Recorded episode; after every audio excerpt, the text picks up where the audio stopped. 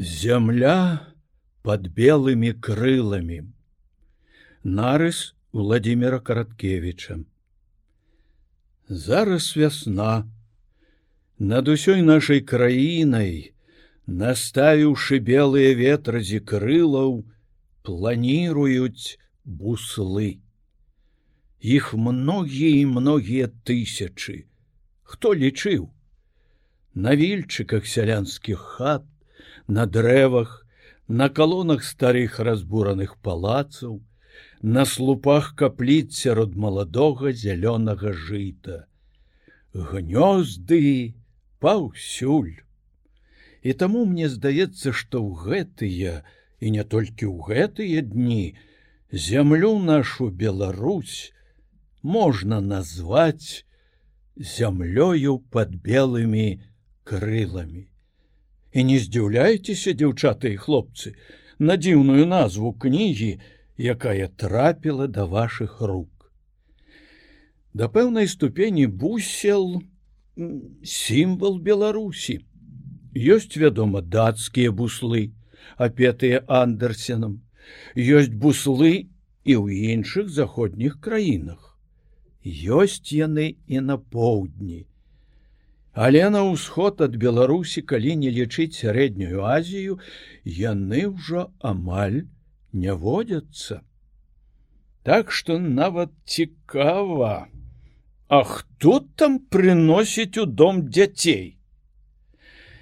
Вось так і планіруюць, планіруюць буслы.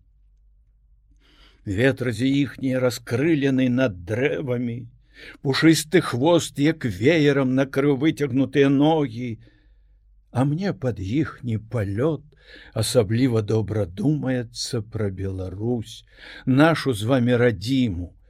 І для вас я і хачу наколькі хопіць маіх ведаў і здольнасцяў расказаць пра яе. Па-першае чаму Беларусь Ёсць некалькі варыянтаў паходжання гэтай назвы.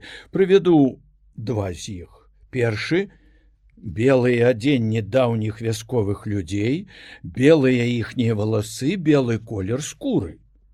Другі, А ён аніяк не супярэчыць першым, калі на нашы старажытныя славянскія землі прыйшлі татара-манголы, здолелі адбіцца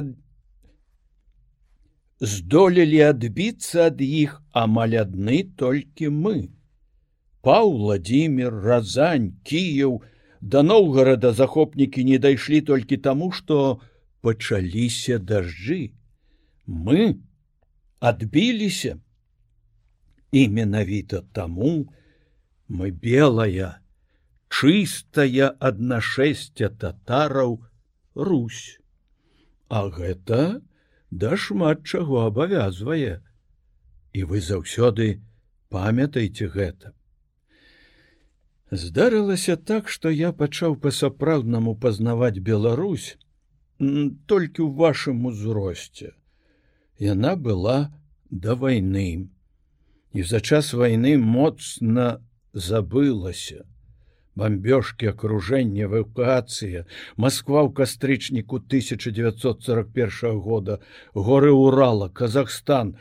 Аренбургскія стэпы а пасля руіны мінскай родныя мне горшы высечаныя ля дарог акупантамі ад жаху перад партызанамі лясы. Пераховы забітых людзей так усё і пачало записывацца зноў нібыта на чыстай дошцы. Любоў да беларусі нараджалася ў самыя галодныя холодныя і цяжкія часы.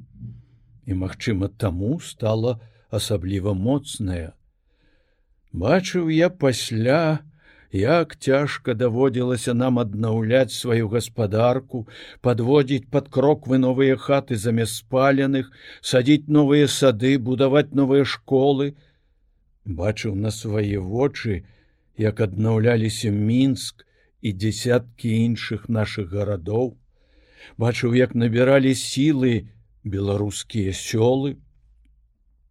І вось менавіта таму, што я сведка, я і лічу, што маю некаторае права расказаць пра нашу рэспубліку вам, дарагія падлеткі.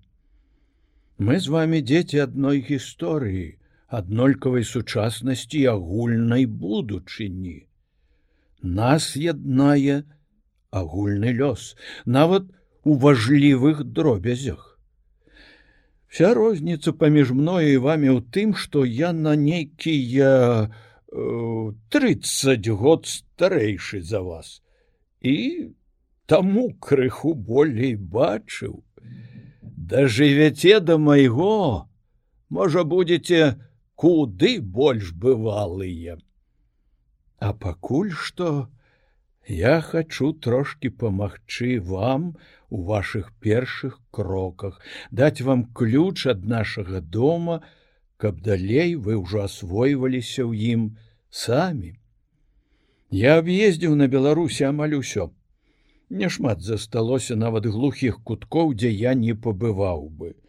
Таму я насмельваюся сказаць, што ведаю сваю краіну і яе людзей. І менавіта таму, дарагія дзяўчаты і хлопцы, я стану гаварыць з вами толькі аб тым, што сам бачыў і чуў. Гэта будзе кніга, напісаная сведкам, які многае, што датычыць сучаснасці, бачыў на ўласныя вочы. І я дужа хацеў бы, каб вы мне верылі, нават калі я стану вам расказваць самыя незвычайныя рэчы. Таму што жыццё багацейшае, чым мы яго ўяўляем. Жыццё часам бывае настолькі падобнае на казку, што нельга не ўскрыкнуць, ды не можа гэтага быць. Вы можете спытаць, нашто гэта вам, калі вы самі жывяце тут і шмат чаго бачыце на свае вочы. Ну, па-першае, Беларусь вельмі розная. Розняцца людзі, будоўлі, пейзажы. Калі вы жывяце на вёсцы недзе под столінам, вы можете не ведаць як жывуць ваши браты і равеснікі недзе на віцебшчыне по-другое калі вы дзіця вялікага горада вы можете ўвогуле не мець уяўлення пра першабытныя лясы недзе над бярозай ракой па-трэцяе не тая ўжо і вёска Людзі носяць не тыя ўборы, глядяць замест батлейкі тэлевізары. Яны жывуць нязмерна лепей, але і падабней адзін да аднаго. І мне хочацца расказаць вам аб тым, што знікае і чаму я быў сведкам, каб добра ведалі вы сваё месца ў гэтым жыцці. Мне патрэбна будзе расказаць і пра гісторыю. І тут вы, вядома, можете злавіць мяне на слове, сказаўшы, што не мог я, скажем, быць сведкам барацьбы майго народа з крыжакамі. Ваша праўда, Але я ў гэтых выпадках ведайце, браў кнігі людзей найбольш вартых даверу. Кнігі таксама сведкаў, кнігі сумленныя, і цікава напісаныя. То пойдзем у наша падарожжа. У дарогу, сябры!